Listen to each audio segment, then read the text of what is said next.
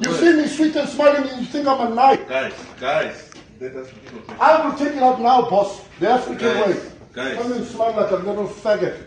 I will take it out now. I don't need I don't need the lordship. I sort out my man to man. I will take it out now. I'm not talking to you. I'm talking to this gentleman. It's got nothing to do with you. Now stay out of it. Stay out of it. Because I told you, I don't want to talk to you. You're not my friend. You don't even qualify to be a journalist. You're a, you're a disgrace to the industry. I'm telling you now.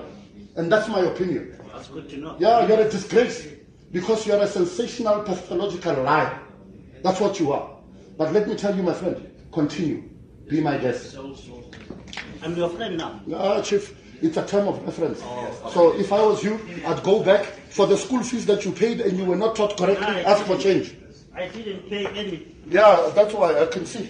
They hired you off the street, I can see. Yes. Manshansha sê hierdie tipe optrede gaan hom nie van stryk bring om sy werk te doen nie.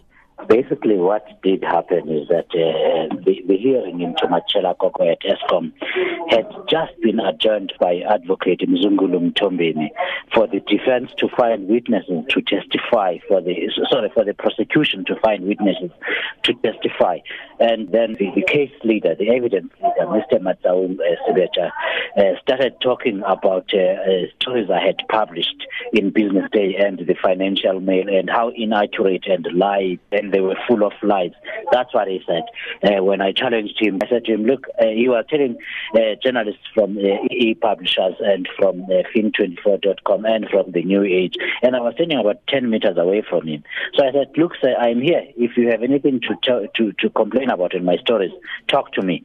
And then all hell broke loose. Hy sê Matsoon kon ook nog nie vir hom presies sê watter feite in sy stories oor hom glo vals was nie. He could not point at a single one here. He, he did not at all, other than just accusing me of being a pathological liar and a sensationalist and a disgrace to the uh, to the media trade. Hy sê hy's met liggaamsgeweld gedreig. Yes, um, Ziligaziwa Africa uh, who got his hands very full. Uh, the, the man is quite big himself. Uh, so Mziligazi got his hands very full, restraining him from uh, from reaching for me because he was uh, pushing, trying to get hold of me. Uh, he was trying to beat me up, uh, but uh, fortunately there was Mziligaziwa Africa there who restrained him successfully and played as my unpaid bodyguard. Sebacha Matsang wou nie oor die saak kommentaar lewer nie. Look, if you want, if you want the side of the story, uh, there was no Eskom employee, but contact Chris Yelland. All of that emanated from an interview I was doing with uh, Chris Yelland, so he can be able to give you a perspective. I'm not allowed to talk about this anymore. All right. I mean, Eskom has terminated my mandate. South Africa has got their own opinion about me, but it's all okay.